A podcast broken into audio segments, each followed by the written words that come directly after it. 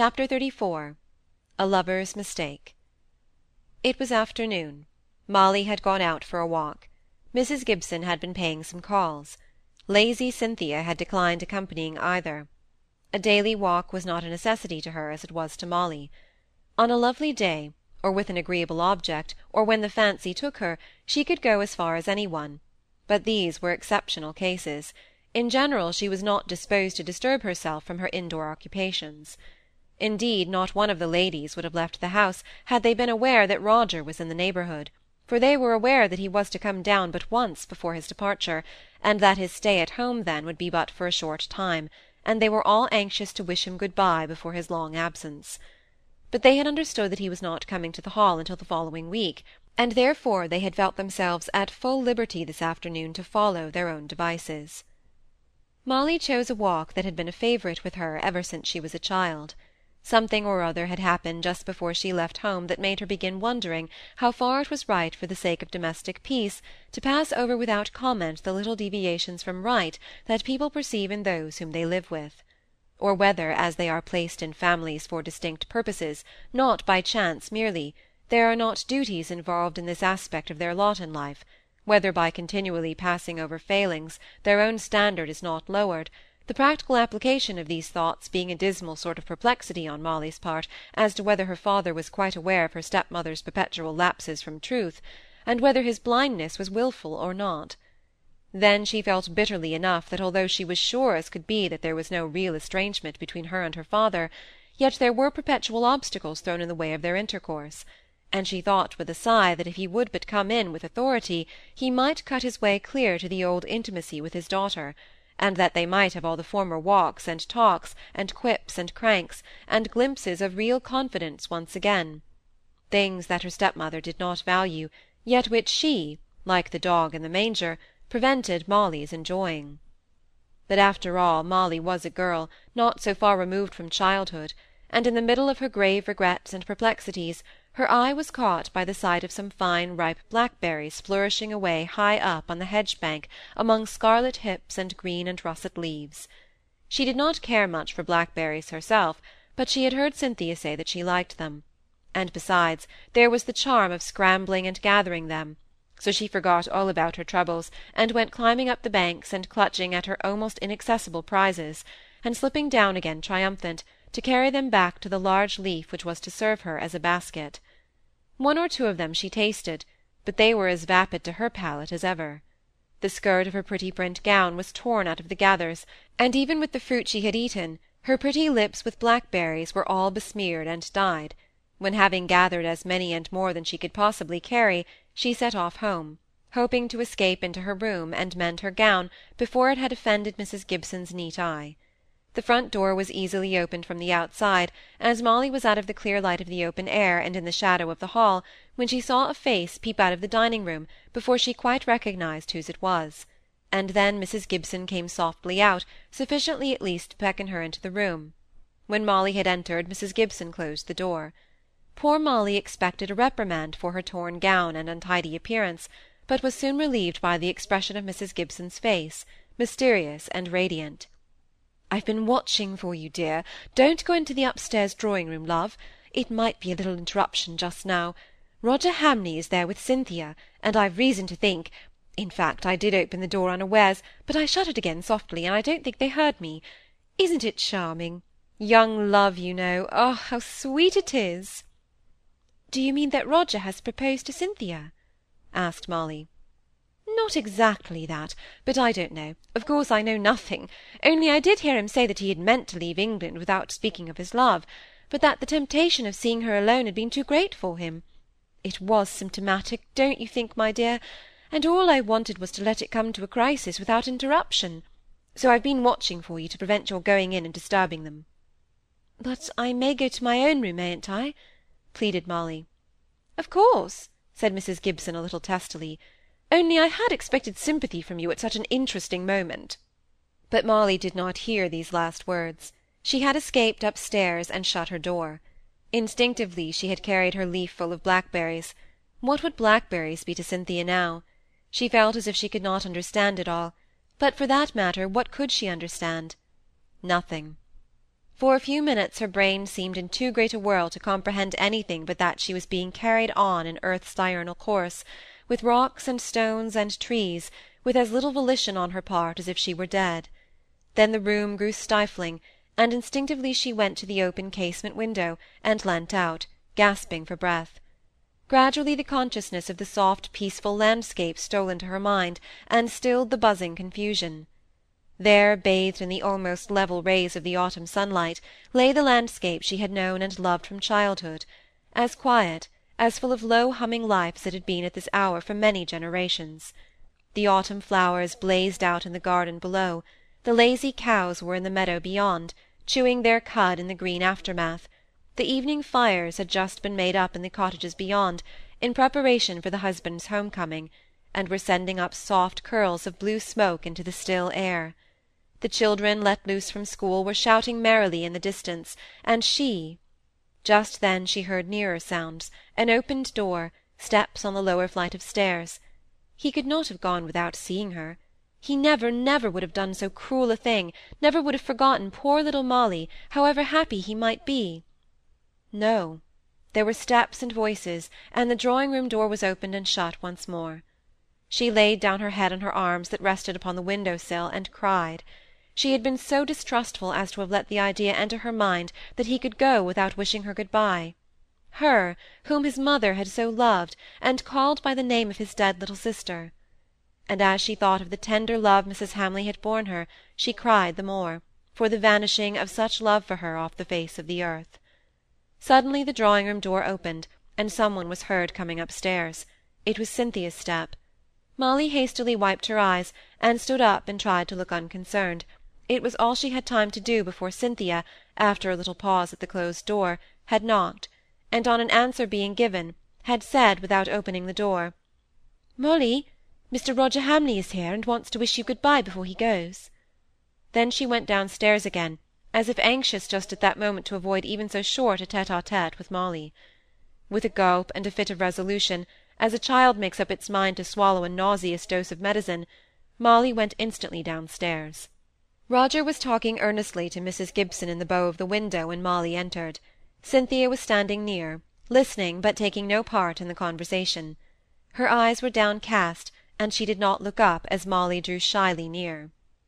Roger was saying, I could never forgive myself if I had accepted a pledge from her. She shall be free until my return. But the hope, the words, her sweet goodness, have made me happy beyond description. Oh, Molly!" Suddenly becoming aware of her presence, and turning to her, and taking her hand in both of his. I think you have long guessed my secret, have you not? I once thought of speaking to you before I left, and confiding it all to you, but the temptation has been too great. I have told Cynthia how fondly I love her, as far as words can tell, and she says then he looked at Cynthia with a passionate delight, and seemed to forget in that gaze that he had left his sentence to Molly half finished. Cynthia did not seem inclined to repeat her saying, whatever it was, but her mother spoke for her. My dear sweet girl values your love as it ought to be valued, I am sure, and I believe, looking at Cynthia and Roger with intelligent archness, I could tell tales as to the cause of her indisposition in the spring. Mother, said Cynthia suddenly, you know it was no such thing. Pray don't invent stories about me. I have engaged myself to Mr. Roger Hamley, and that is enough.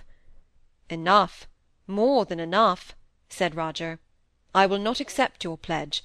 I am bound, but you are free. I like to feel bound, it makes me happy and at peace, but with all the chances involved in the next two years, you must not shackle yourself by promises. Cynthia did not speak at once. She was evidently revolving something in her own mind. Mrs. Gibson took up the word. You are very generous, I am sure. Perhaps it will be better not to mention it. I would much rather have kept it a secret, said Cynthia, interrupting. Certainly, my dear love. That was just what I was going to say.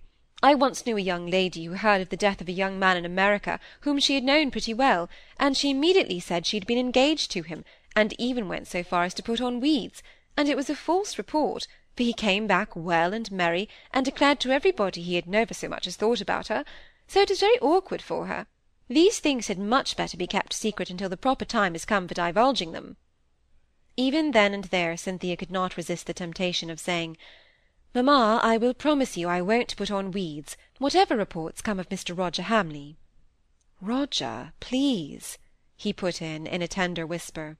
"And you will be all witnesses that he has professed to think of me, if he is tempted afterwards to deny the fact; but at the same time I wish it to be kept a secret until his return, and I am sure you will all be so kind as to attend to my wish. Please, Roger. Please, Molly, mamma, I must especially beg it of you." Roger would have granted anything when she asked him by that name, and in that tone. He took her hand in silent pledge of his reply. Molly felt as if she could never bring herself to name the affair as a common piece of news. So it was only Mrs. Gibson that answered aloud, "My dear child, why especially to poor me? You know I'm the most trustworthy person alive." The little pendule on the chimney-piece struck the half-hour. "I must go," said Roger in dismay.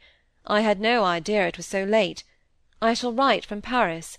The coach will be at the George by this time, and will only stay five minutes. Dearest Cynthia." He took her hand, and then, as if the temptation was irresistible, he drew her to him and kissed her. "Only remember, you are free," said he, as he released her and passed on to Mrs. Gibson.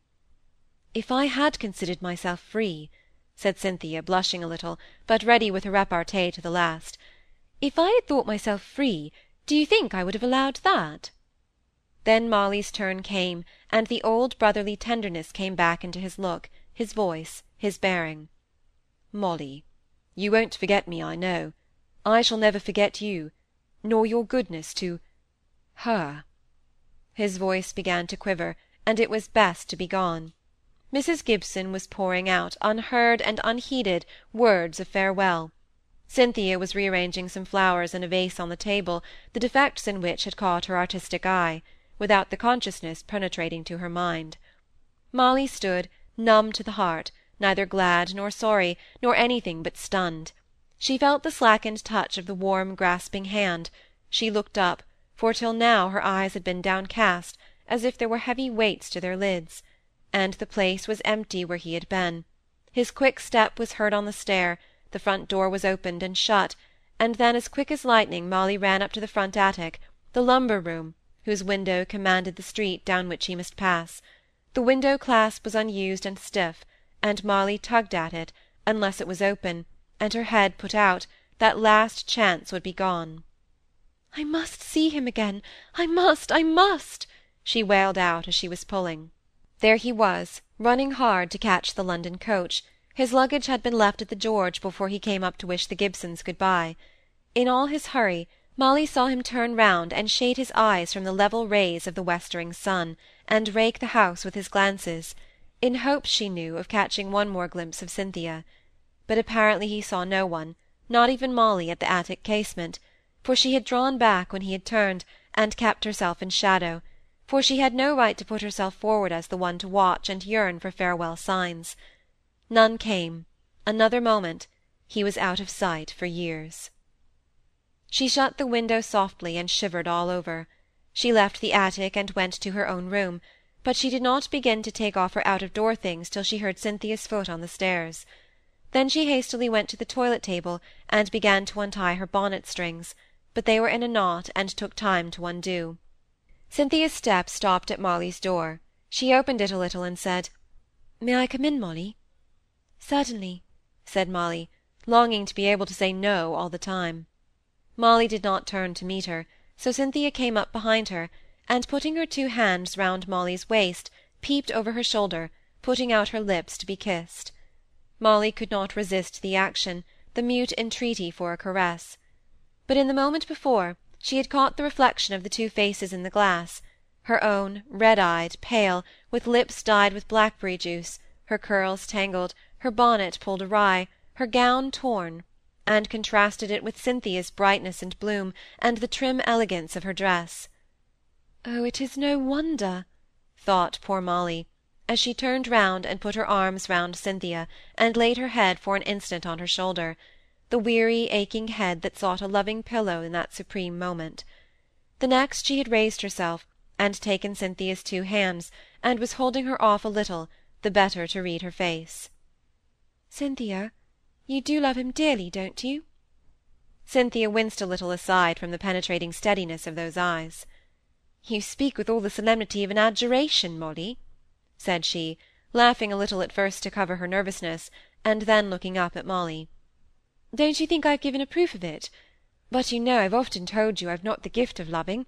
I said pretty much the same thing to him.